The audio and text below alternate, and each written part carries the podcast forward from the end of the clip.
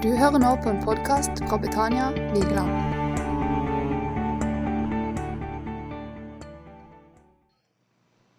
Jeg har aldri hatt en andakt i mitt liv. um, men jeg har kjent litt på at jeg har noe jeg tror jeg skal si. Jeg har kjent på det i noen måneder.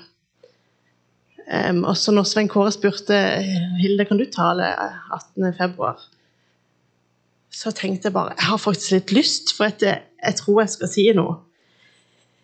Og det hadde jeg aldri trodd jeg skulle si, fordi at jeg har alltid tenkt at de som taler, de har Jeg skjønner ikke hvor de finner alle ordene hen, jeg skjønner ikke hvor de får det fra. på en måte. Men så tror jeg, jeg velger å tro at jeg har fått noe òg som jeg kan dele. Eh, og Arne Gabrielsen sa på forrige helg her på, hadde hatt et vitnesbyrd, og han snakka om verb. Å være aktiv. Å gjøre en aktiv handling. Aktivisere seg sjøl. Og jeg har i grunnen alltid vært litt glad i verb. og så norsk grammatikk. Jeg tenkte dette var logisk for meg. Det var helt, eh, helt riktig, det. Jeg hadde lyst til å si ja. Jeg hadde lyst til å være aktiv, jeg hadde lyst til å gjøre noe. Fordi at eh, Jesus, han fortjener det. Og jeg føler jeg har opplevd noe som var bra for meg, så tenker jeg at hvis jeg deler det, så kan det bli bra for noen flere. Han ønsker å bruke oss så langt som vi er kommet. Eh, og dette er ikke kommet så at jeg er så veldig teolog, teologisk eh, flink eller korrekt. Eh, men jeg kommer med mitt vitnesbyrd. Tidligere så sto det på Facebook at Hilde taler. Da ble jeg litt stressa. Men nå så sto det hele deler av ordet, og det var litt lettere for meg, for det kan jeg klare å få til. um, jeg la et sitat i en andakt som, som, er som dette. Du blir ikke holdt ansvarlig for noe du aldri fikk. Men nettopp det du har fått, det spør han også etter. Og da tenker jeg at jeg ønsker å komme til Jesus med mine fem brød og to fisk. Og så er det opp til han hva han vil gjøre med det. Så jeg føler meg litt som en sånn liten jente som liksom, Vær så god, her har du mitt lille bidrag. Men nå velger jeg å tro at han velsigner dette. Og jeg tenker òg at hvis vi er tro i det små, så vil han sette oss over større ting. Og akkurat som du sa, med at eh, av og til så må man bare ut av komfortsona mi. Min komfortsone er heller å vaske doer her eller å gå på kjøkkenet og være i kafeen. Det er det som er min komfortsone. Men jeg tror kanskje det er bra for oss å tørre å gjøre noe nytt av og til. Jeg skal være litt personlig. Prøver ikke å være altfor privat. Men jeg har veldig tro på det at hvis vi deler livet vårt med hverandre, så blir livet vårt lettere å leve at vi må tørre å inkludere andre i livet vårt. Og vi må tørre å være sårbare, da. For jeg tror det er sånn vi vokser. Ja. Eh, jeg hadde egentlig bedt Gud om noe nytt, for jeg har tenkt på dette her en halvt års tid. Så var jeg litt sånn Nå må jeg jo snart få noe nytt. Jeg kan ikke gå bare og dvele med dette her. Men jeg tenker nå at jeg skal dele det først. Og så skal jeg spørre Gud om å få noe nytt. Ehm, for jeg har blitt litt inspirert av Svein Kåre, som har starta Sett og Hørt, som er en misjonsorganisasjon. Vi har fått lov å være med han rundt litt på noen møter, snakker om det han har sett og hørt, til andre. Ehm, jeg skal lese 1. Johannes 1, 3-4. Jeg leser fra Hverdagsbibelen, og det er kanskje litt dumt å gjøre når man skal tale, men Eh, den bibelen har vært fin for meg. Jeg syns det er lett å forstå, det som står her. Så da velger jeg å gjøre det nå.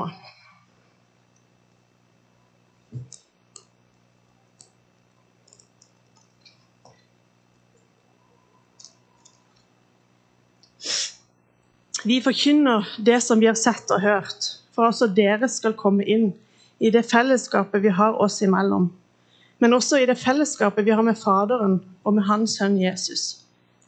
Vi skriver dette til dere slik at dere skal oppleve en fullkommen glede. Og det er liksom det som er motivet mitt med dette her, da. at vi skal komme inn i en sånn samfunn og fellesskap med hverandre og med Gud. Kjære Jesus, jeg ber bare om at det er det som jeg skal dele, at du bare velsigner det. Takk fordi at det er det du har gitt oss, kan vi få lov å gi videre. Amen.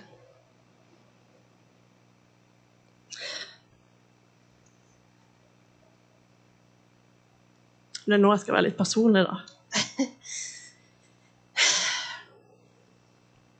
Dere har, mange av dere har hørt Konrad sitt vitnesbyrd om denne siste tida, som er Konrad er min mann.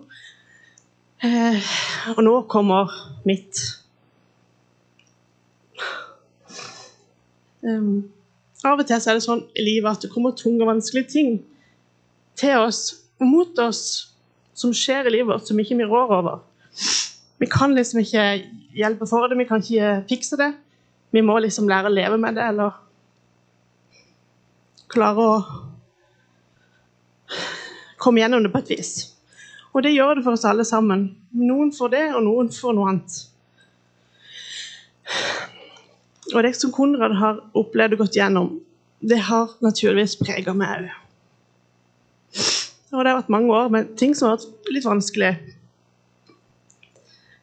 Um, og han ble innhenta og plaga med løgntanke når han ble motløs. Og det er det jeg skal snakke litt om. Jeg skal snakke litt om løgntanke. Det blir vanskeligere hjemme hos oss å snakke om å tro. Det som på en måte var eh, mest viktig for meg av alt, det som på en måte var meg, det ble vanskelig å snakke om hjemme, fordi han syntes det var tungt å gå på møte. Han syntes det var Ja. Ohoi, jeg griner bare hele tida. Jeg ble satt i en skvis fordi vi hadde tre barn som begynte å bli store, og det beste jeg ville gi dem, eh, det var å ta dem med på møte og gi dem troa på Jesus og den forankringa i livet.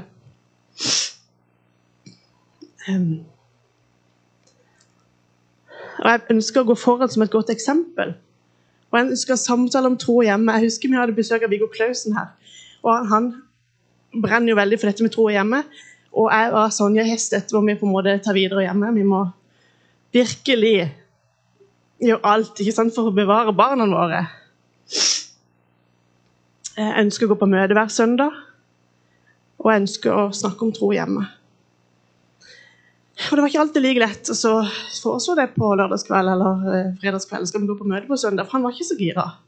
Noen ganger var det jakt, og det var liksom ok, det var en unnskyldning da. Eller andre ganger var det bare sånn at han, han følte ikke for det. eller og han sa, og når kom med mine bekymringer for at ja, hvordan skal ungene bli kjent med Jesus da, hvis ikke vi går foran som et godt eksempel, hvis ikke vi går på møtene så, han, så sa han liksom at våre barn de har fått nok. De har, eller nok. De har fått så mye, de klarer til å klare seg. De vet hvem Jesus er. Sånn en liten løgn som vi kan tenke kanskje kan komme hos flere av oss. Har, nå har vi fått nok. Det er ikke så viktig, det er ikke noe mer å hente her, liksom. Det, det er bra nok. Det var en veldig utfordring for meg. for Jeg ville ikke være sånn en masete kone som kommanderte hva de andre familiene skulle gjøre, for sånn er ikke jeg. Jeg kunne ikke se for meg å dra noen her som ikke ville her. Så da ble det for meg sånn at jeg måtte bare snu meg til Gud. Og jeg, jeg ba for ham hver kveld når han sov. Og han sovner på 18 sekunder, så det var Jeg ligger litt lenger våken, så det så da fikk jeg sjanse til å, å, be for han når han sov. Og jeg tenkte bare Gud må fikse det. Og det var en tid der som var veldig sånn, vanskelig og utfordrende på dette. Og jeg syntes det var litt skamfullt, for det var ikke sånn familien min skulle være. Det var ikke sånn jeg hadde tenkt det skulle være, at nå skal vi bare melde oss ut, eller eh, nå melder han seg ut, eller Det var ikke sånn jeg ble kjent med han. Så gikk jeg tur rundt Grislevannet en dag hvor jeg ba og jeg grein og tenkte nå må du bare hjelpe meg. Og Noen ganger så tror jeg det er sånn at når vi har det tungt på det tyngste, at vi er mest åpne for Guds stemme. For der og da Jeg husker liksom hvilken bakke jeg gikk opp og en oppoverbakke der, og så kom Gud og sa til meg Og det har ikke skjedd så ofte, det har skjedd to ganger, som jeg kan huske. Og det var veldig tydelig, for Gud sa til meg Hilde, nå er det din tur til å bære. Nå må du dra lasset. For han hadde tungt. Jeg skal bære deg, og jeg skal hjelpe deg. Og da var det akkurat som det smalt i meg. Selvfølgelig. Det er jo det jeg skal gjøre. Det er min tur. Jeg syns eh, det var urettferdig på en måte, men for han hadde jo Konrad hadde i alle år ledet ungdomsklubb, starta ungdomsklubb, vært leirleder, med i lederteam, talt på møte, og jeg hadde vært hjemme og passa ungene. Og når våre unge ble ungdommer og større, så var det bare sånn Nå har de fått nok. Så jeg, var så, jeg satt med en utrolig skuffelse der. Jeg tenkte ja, men hva? Er det ikke nå vi liksom virkelig skal sette inn støtet hjemme? ikke sant? Eh. Så jeg syntes det var urettferdig. Men um, Og jeg kjente ikke igjen han som jeg var gift med, egentlig. Men jeg følte jeg fikk en trygghet og en ro, og så tenkte jeg at jeg skal i hvert fall gjøre det jeg kan. Så får Gud gjøre resten. Og jeg ser egentlig nå at i de siste årene så har jeg blitt satt i en situasjon hvor jeg må stole på Gud, og jeg må sette min lit til Han. Og når vi lener oss på Gud, så er det sånn at da kommer djevelen. Og jeg hadde liksom ikke tenkt at jeg skulle tale om djevelen, for jeg syns ikke det er så hyggelig. Eh, jeg tenker at Kan vi ikke fokusere på Jesus? Det er det jeg alltid har tenkt. Jeg syns ikke det er noe veldig hyggelig å snakke om djevelen. Men det er bare det at han er reell. Og jeg har følt veldig på dette, at dette skal dele. På når vi blir aktive, da kommer han. Og han kommer snikende. Men samtidig som han sniker seg rundt, så brøler han. For han lager fryktelig mye støy. Han vet akkurat hvor jeg er svakest. Han vet akkurat hvor dere er svakest. Han kjenner mine sår, og ofte så angriper han de sårene som kanskje ikke har grodd ennå. Og der slår han til. Han er utspekulert, men veldig lite oppfinnsom, for det er det samme han prøver seg på hele tida. Når Adam og Eva var i Edens hage, så ble de frista til å spise et eple. Og jeg tenker, Det var, jeg, var ikke noe problem. Jeg kunne ikke bare ta en banan. liksom. Altså, Hva er, hva er problemet? Men poenget er jo det at han tar oss jo der vi er svakest. For deg så var det eplet som blir en symbol på den fristelsen de Eller det de gjør svake. ikke sant? For meg så er det noe helt annet. Kanskje det er selvbilde eller selvfølelse. Et eller annet sånt som er typisk for mange av oss. ikke sant? Menneskefrykt. Alle sammen har vi løgntanke, for vi er ikke fullkomne. Men jeg tenker det er viktig å be Jesus å vise oss hva som er løgn og hva som er sannhet. Det er Gud som forteller oss sannhet om hvem vi er. Djevelen forteller løgn om hvem vi er. Så går nå tida, og så starter det en vekkelse på Vigeland. Jeg ville på møte, Konrad og meg av og til, og mest for det sosiale i begynnelsen. Det har han jo vitnet om før. Jeg føler ikke at jeg skal ta hans historie nødvendigvis, men sånn som det føles for meg eh, Jeg skal prøve å fortelle litt sånn som det føles for meg. Det hadde vært noe møte, og så skulle vi ha møte her. Og så ble Frank syk, og han var brannansvarlig her.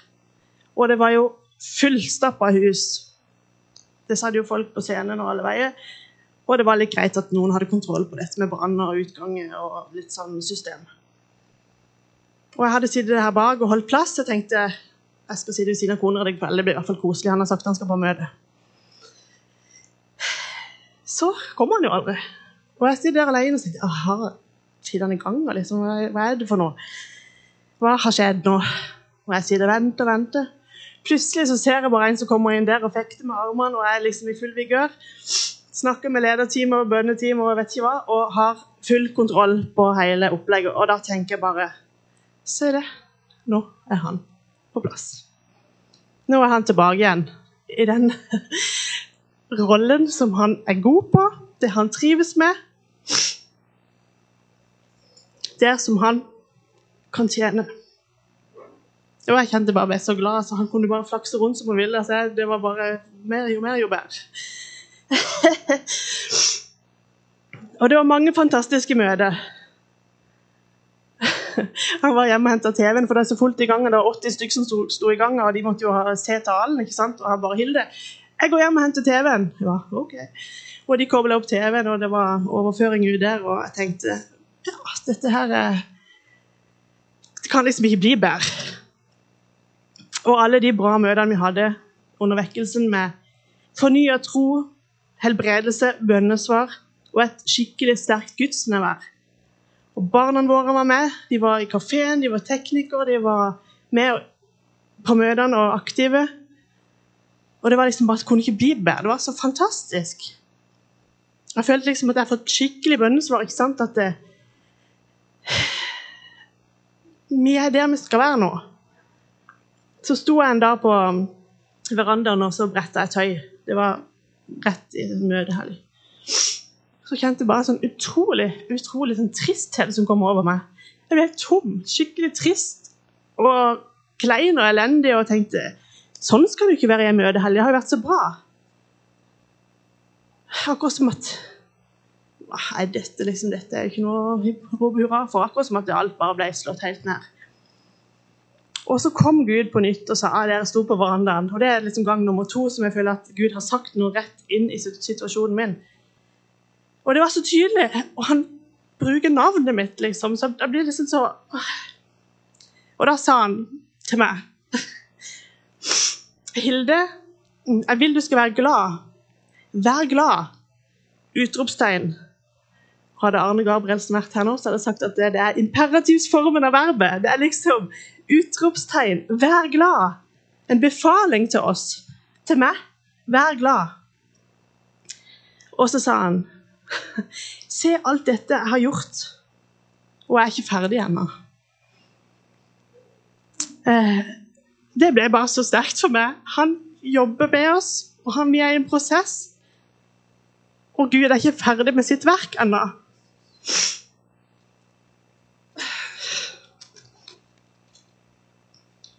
Så er det sånn at Djevelen han ønsker å drepe og ødelegge gleden vår. Og det er det jeg har kjent veldig mye på det siste året. Og det er utrolig slitsomt. Akkurat som at Noen ganger må jeg bare fylle meg med noen aktiviteter for å ikke føle at han maser så veldig på at han skal stjele den gleden fra meg. Det er kjempeslitsomt. Han ønsker å ta knekken på gleden av Guds verk. Gleden over Guds gode gave. Gleden over bønnesvar og Guds tilgivelse. Han ønsker å drepe kjærligheten og relasjoner. Han sender løgntanker inn i sinnet vårt. Små piler som pirker borti det vi bryr, om, bryr oss mest om. Og disse tankene vi får, kan bli til store bygninger i oss. De skaper bekymring, angst, tvil, ufred, søvnløshet, tristhet, lite kapasitet til å ta oss av andre fordi vi selv er utslått. Djevelen han sprer løgner mellom venner, i familie, for å hindre vennskap og samhold. Han sprer løgner i ekteskap. Han sår tvil og bekymring og usikkerhet. Og jeg tenker bare sånn, Vi må avsløre disse løgnene. Vi må dele det med hverandre. For det som er vanskelig i livet, så vi kan på en måte få opp øynene og rettlede hverandre, så vi får rett fokus. Og Hvis ingen tør å snakke om dette, så tror jo alle å skule på hverandre og tenke hva mener den, hva tror den, hvorfor gjør den sånn, hvorfor er det sånn, og hun er rar, og han er teit. og... Som regel ligger det jo noe bak. ikke sant? Hvis vi bare kan dele det som er vanskelig i livet vårt. Tenker bare som, hvis, man, hvis folk bare kunne se hvem, hvem er på innsida, så hadde de kanskje ikke trodd det ene eller trodd det andre. For de hadde sett det hjertet sånn som Gud gjør. Men jeg tror vi må tørre å dele det som er vanskelig, da, for å ydmyke oss, så ikke vi sitter på, alle på hver vår høye hest og tenker at eh, dette fikser vi sjøl. Jeg skal lese 2. Korinterne 10, 3-6.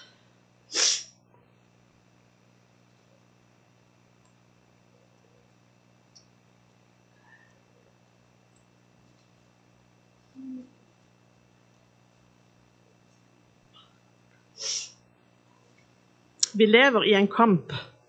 Selv om vi er vanlige mennesker, så kjemper vi ikke denne kampen på denne verdens premisser. For de våpnene vi bruker, er ikke noe vi henter fra oss selv. De blir gitt oss av Gud. Med disse våpnene kan vi rive ned store tankebygninger som har reist seg i oss. Vi bryter ned stolte argumenter og alt som går imot vår kunnskap om Gud. Vi har en fiende som herjer i sinnet vårt, og som lar falske tanker feste seg i oss. Men med Guds hjelp tar vi hver tanke til fange og tvinger den til å være lydig mot Kristus. Han eh, frister, han nasker litt her, og han lyver litt der.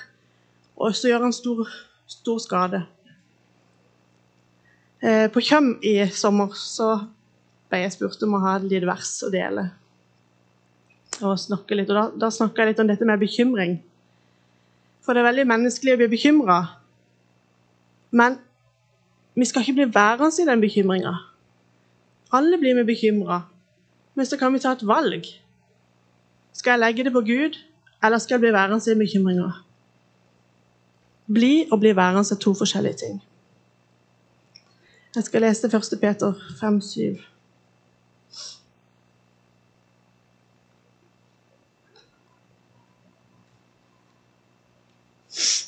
Eh, kast alle bekymringene deres på ham, for han har omsorg for dere. Vær kloke og på vakt, for dere har en motstander. Det er djevelen, og han går omkring som en brølende løve, på jakt etter noen han kan sluke. Og Det høres jo helt forferdelig ut, dette her. Og det er jo på en måte det òg. Og det oppleves ikke noe godt. Fordi at han tar oss der vi er svakest. Ofte kan vi føle at det er så mye vondt og vanskelig i verden at en tenker at det passer inn her. Og det tror jeg fordi at vi ikke er skapt for det livet her. Himmelen er vårt hjem. Og det står noe om det i 1. Peter 2, vers 11.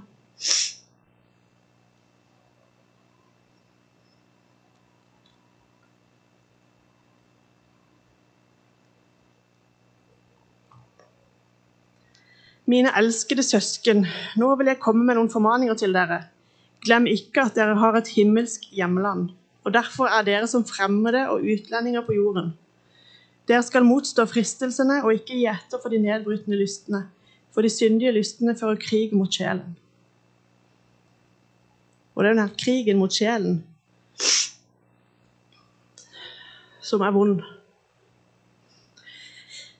evig vitna forrige helg om å holde oss brennende nær til Jesus.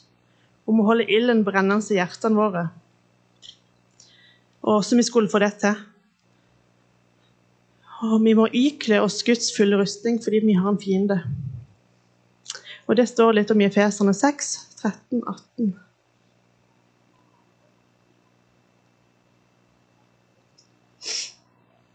Jeg skal lese det om Guds rustning. Til slutt, mine søsken, la dere bli styrket i fellesskapet med Herren og i Hans mektige kraft. Herren har en rustning som dere kan ta på dere for å stå imot djevelen når han kommer med sine listige angrep. Denne rustningen må dere ta på dere. Vi står nemlig i en kamp, og det er ikke en kamp mot andre mennesker. Vår kamp er mot de mørke krefter i vår tid, som vil handle på tvers av hva som er Guds plan og vilje.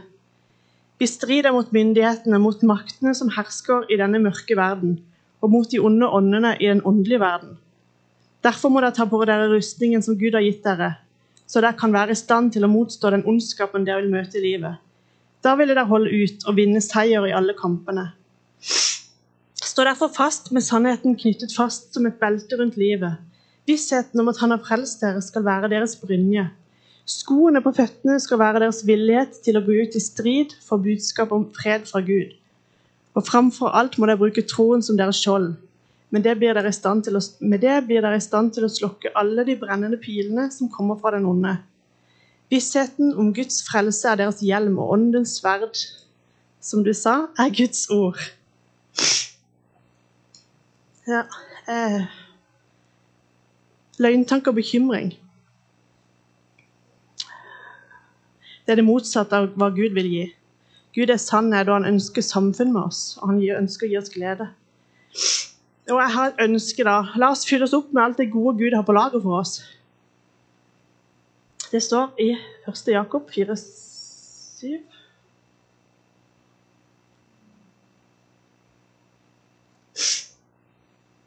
Nei, 1,17.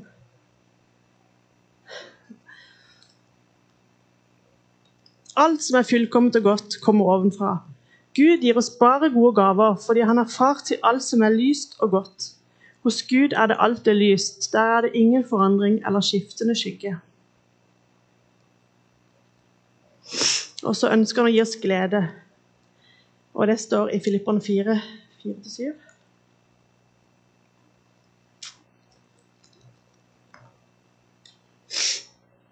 La gleden dere har i Jesus, alltid prege dere. Igjen vil jeg si dere, gled dere. La alle se hvor milde og vennlige dere er mot hverandre. Herren er nær. Ikke vær bekymret for noe som helst, men gå til Gud og spør Han om hjelp. Fortell ham hva dere trenger, og takk ham for alt han har gjort. Da vil Guds fred, den freden som er større enn alt vi kan forstå, bevare hjertet og tankene deres i fellesskap med Jesus.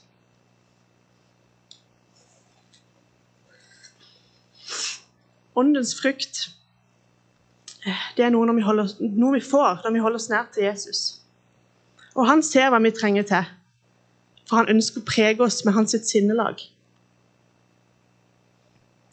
Roman 8, 26-27. Det blir mye vers her, men så tenkte jeg bedre med vers enn det, jeg sier. Det er bedre med det som står her. Han kjenner menneskenes hjerter ut og inn og vet hva vi burde be om. Han går i forbønn for alle dem som har gitt livet sitt til Gud. En forbønn etter Guds vilje. Vi vet at Gud kan bruke alt som skjer, og kan vende det til noe godt for dem som elsker ham, og som han har kalt til et liv sammen med ham.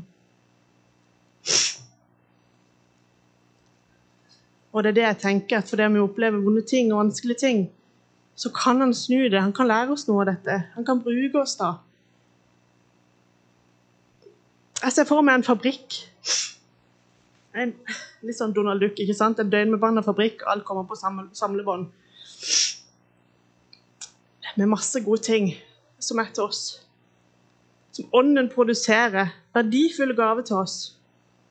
Vi må bare ta imot dem. Kjærlighet, glede, fred, tålmodighet, vennlighet, godhet, trofasthet, saktmodighet, vil si å utvise vennlighet og godhet. Styrke, ro, sunn egenverd, sunn selvbilde og selvkontroll. Alt dette vil jo han gi oss hvis vi holder oss nær til han. Og hvis vi tror på at det er sannhet, det som kan gi oss At ikke vi tror på løgnene, men vi tror på det Gud har for oss. Hans sannhet om vårt liv. Glede, da, som jeg følte at ble stjålet litt ifra meg. Jeg har følt på det litt. Det er et åndelig behov, det er ikke et fysisk behov. Ekte glede kommer fra Ånden som bor inni meg. Og det står i Bibelen at gleden i Herren, det er vår styrke. Og Hvis det er vår styrke, så er det ikke rart at djevelen vil stjele gleden vår. Han vil jo at vi skal være svake, at vi skal være helt ufarlige, at vi skal tenke at vi har fått nok. Barna mine har fått nok ja, vi har gått på så mye møter, vi kan heller se på TV i kveld. Eller vi trenger ikke besøke deg, vi har besøkt dem nok. Det er jo sånn han vil prøve å dempe oss. Det står I Salme 23 så står det Du salver mitt hode med olje, mitt beger flyter over. I Hebreerne 1 vers 9 så står det Gud har salvet deg med gledens olje. Han har jo den olja på lager for oss. For han vil at vi skal være glade. Han ønsker å velsigne oss med glede. Det er fra Gud, det er ikke fra den onde. Han vil bare prøve å stjele det fra oss. Konrad talte forrige fredag. Og da snakka han om hvordan oppbevarer du verdisakene dine. Og da må vi jo tenke liksom, hva er verdifullt for meg? Alt det som Gud har gitt meg, er verdifullt for meg. For det er gode gaver. Han gir ingenting som ikke jeg liker. Men har de gavene noe verdi dersom de blir stjålet fra meg? Dersom jeg lar noen stjele, stjele det fra meg?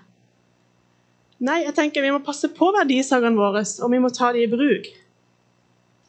Sjela mi, sjela di, er verdifull, og den må næres. Den trenger næring. Jeg må ta til meg Guds løfte for meg, og så må jeg dele det med andre. Og det er derfor jeg står her i dag. I Filipperne 4,8 skal jeg lese dette.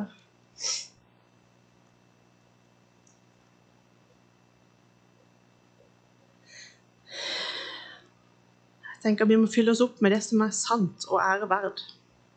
Til slutt, søsken, oppfordrer jeg dere til å fylle dere med det som er sant, det som er god moral, det som er rett, det som er rent, det som er verdt å elske. Alt som det snakkes godt om, det som er av høy standard, og som er verdt å skryte av. Slike ting bør dere være opptatt av. Alt det som dere har blitt undervist av meg, og som dere har lært, skal dere gjøre. Fredens Gud skal være med dere.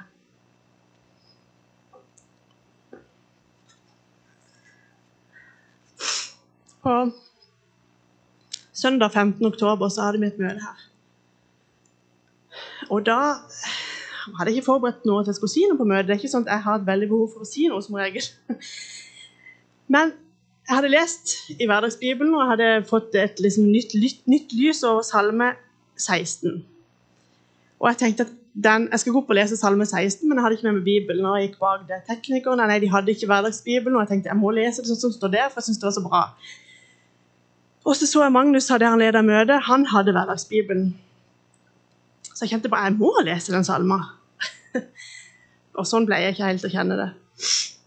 Men jeg gikk opp og leste Salme 16, som det står om Jeg skal lese henne etterpå, men det står om at, at jeg ønsker å la meg bli prega av Gud. da.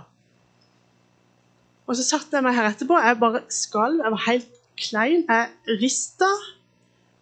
Jeg har ikke kjent det sånn før på den måten. Akkurat som jeg klarte ikke å stå oppe. Og, og skalv. Og så ble det en tungetale etterpå det. Som jeg bare følte at det er jo til meg. Så tenker jeg, sa jeg til kona når vi kommer hjem, kan jeg tenke at det er til meg? For det er sikkert til noen andre òg. Og det er det kanskje. Det var helt sikkert til noen andre enn meg òg. Men det var i hvert fall til meg. Det er jeg helt sikker på. For at jeg fikk det så for meg skulle lese Salme 16, og så sa det der, og så fikk jeg den fysiske reaksjonen etterpå. Og jeg måtte skrive ned hva den tydninga var for noe. Og det ble bare en sånn bekreftelse på meg, for meg på det ordet jeg hadde fått på verandaen da jeg bretta tøy, og den opplevelsen jeg fikk rundt Kristelvannet når jeg gikk på tur. At Gud er med meg. Dette var tydninga som ble sagt. Jeg ser deg, du er min. Jeg vil være din forsørger. Jeg vil at du skal være glad. Se ikke på det som har vært. Se framover. Og det ble så utrolig sterkt for meg. Og det var sånn Han vet hvem er. Han vet hva jeg tenker, han vet hvordan jeg har det, og han kaller meg med navn. Han sier 'Hilde' når han snakker til meg. Han vet hvem er.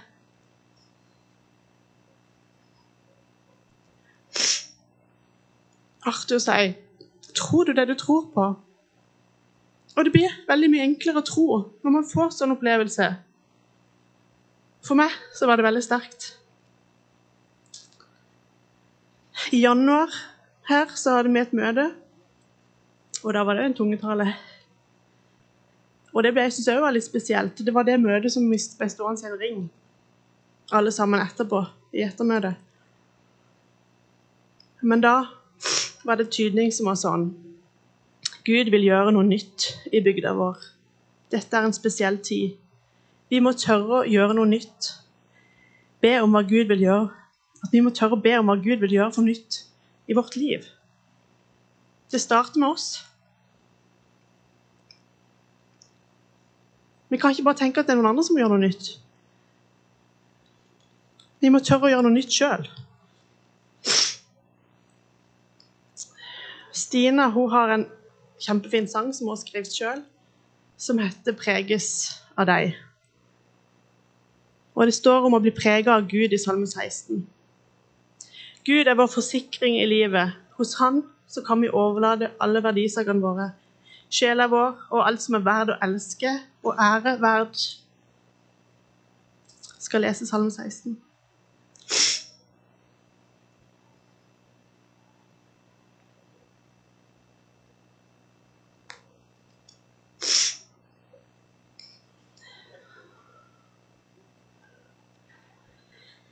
Bevar meg, Gud, for jeg søker trygghet hos deg. Min sjel sier til Herren, du er min Herre, og uten deg finnes det ikke noe som virkelig er godt. Om de som vil leve for deg på denne jord, må jeg si, de er herlige, og jeg gleder meg over dem. De som springer etter en annen gud, skal oppleve mange sorger. Jeg vil ikke være med på deres avgudsofring. Nei, jeg vil ikke engang nevne deres navn. Og så kommer dette verset som er så fint. Og Herre, jeg vil preges av det du har å gi. Du er min forsikring i livet. Og din vilje for meg har ført meg til herlige steder. Ja, min arv er skjønn, jeg vil love Herren som har gitt meg råd. Også om nettene blir jeg minnet om hva som er din vilje.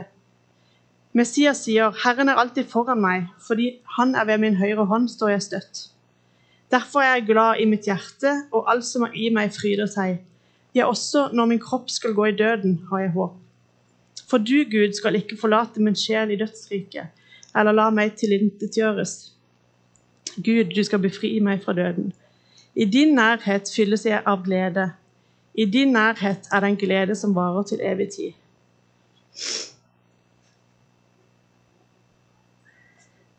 Og jeg kjenner på en veldig glede fordi jeg er så glad for alt som har skjedd i mitt liv og i familien sitt liv, i vennene sitt liv, i Konrad sitt liv.